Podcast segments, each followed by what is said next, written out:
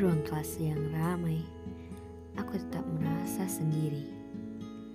Aku masih menatap keluar jendela, mengutuki diri sendiri. Selama ini, aku kayak gak ada harga dirinya. Ngejar seseorang yang sedikit pun gak pernah peduli. Baru kerasa malunya, baru kelihatan bodohnya. Bodoh banget sih.